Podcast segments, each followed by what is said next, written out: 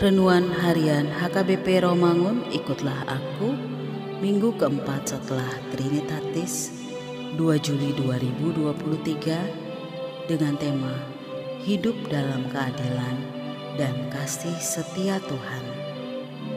Bacaan epistel kita pada hari ini dari Matius pasal yang 10 ayat 40 sampai dengan 42 dan bacaan evangelium kita pada hari ini dari Mazmur pasal 89 ayat 15 sampai dengan 18 yang berbunyi Keadilan dan hukum adalah tumpuan tahtamu. Kasih dan kesetiaan berjalan di depanmu. Berbahagialah bangsa yang tahu bersorak-sorai, ya Tuhan, mereka hidup dalam cahaya wajahmu. Karena namamu, mereka bersorak-sorak sepanjang hari, dan karena keadilanmu, mereka bermegah. Sebab engkaulah kemuliaan kekuatan mereka, dan karena engkau berkenan, tanduk kami meninggi. Demikian firman Tuhan. Sahabat, ikutlah aku yang dikasihi oleh Tuhan Yesus. Renungan minggu ini diawali dengan sebuah keyakinan akan kasih dan kesetiaan Tuhan terhadap orang percaya.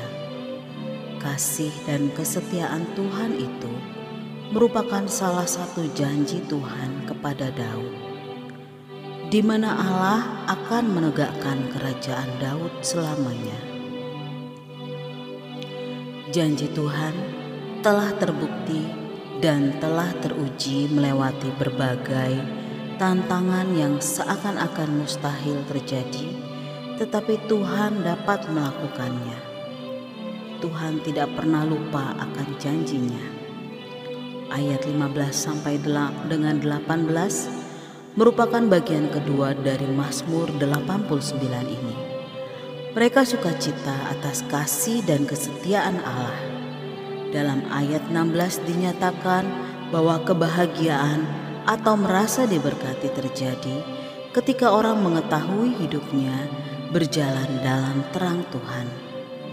Hal inilah yang membuat hidupnya mampu bersorak-sorai. Isi Mazmur ini merupakan pemujian yang terdapat dalam ibadah atau perayaan di mana di tengah perayaan itu, pemazmur menyoroti tentang karunia bagi orang yang mengenal dan menyembah Tuhan. Hidup mereka akan menerima cahaya wajah Allah yang memberkati mereka dan memberi kasih karunia. Tuhan tidak hanya memberkati, tetapi juga memimpin serta melindungi umat yang diberkatinya melalui para raja. Peran para raja bukan hanya memimpin, tetapi juga merupakan perisai Tuhan bagi rakyat yang dipimpinnya. Raja yang memerintah dengan hikmat Tuhan juga merupakan cerminan kehadiran Allah di tengah-tengah umatnya. Saat ini, kasih dan kesetiaan Allah memanggil kita untuk turut serta melakukan segala aktivitas yang berkenan baginya sebagai tanda hidup yang bersyukur dan setia kepada Tuhan. Namun, banyak orang hanya mau setia apabila ada upahnya. Inilah kenyataan hidup di sekitar kita.